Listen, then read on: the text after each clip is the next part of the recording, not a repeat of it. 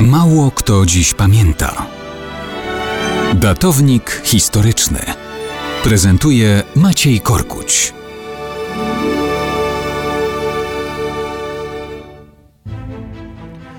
Mało kto dziś pamięta, że w czasie burzliwej nocy 9 września 1901 roku ziemski padł opuszczał hrabia Henri Marie Raymond Montifat de Toulouse-Lautrec.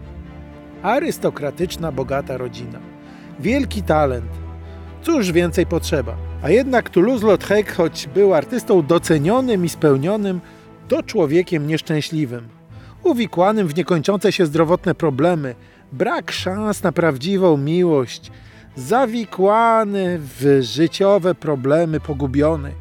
Jego obrazy, rysunki, plakaty i grafiki to niepowtarzalny styl i klimat. Choć nierzadko malował brzydotę ludzkich niedoskonałości. Kłopoty ze zdrowiem i aparycją nie były przypadkiem. Jego rodzice byli bliskim ciotecznym rodzeństwem. I to nie pierwszym w tym hrabiowskim rodzie. Ponoć małżeństwa wśród bliskich krewnych miały być sposobem na chronienie majątku przed rozproszeniem. Może i coś uchronili, ale upośledzenia genetyczne, choroby i wady były w tej rodzinie aż nadto częste.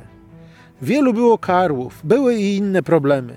Sam Henri miał nieproporcjonalne wargi, duży język, który powodował nieustanny ślinotok i seplenienie. Był kaleką, miał 10 lat, kiedy pojawiły się problemy z nogami i prawidłowym wzrostem kości. Uda, łamane przy zwykłych upadkach, nie rosły.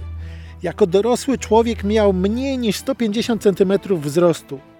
Nadzwyczajna inteligencja i niesamowity talent malarski łączyły się więc z trudnościami w oddychaniu, migrenami i innymi przypadłościami.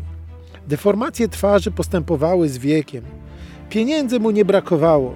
Uznanie szybko zdobył, ale wciąż czuł odrzucenie pomieszane z litością.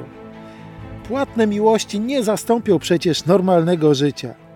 Zniszczony przez alkoholowe nałogi, choroby, również weneryczne, sparaliżowany, umierał jako sławny artysta w wieku zaledwie 36 lat. Toulouse-Lautrec, wielki artysta, nieszczęśliwy człowiek.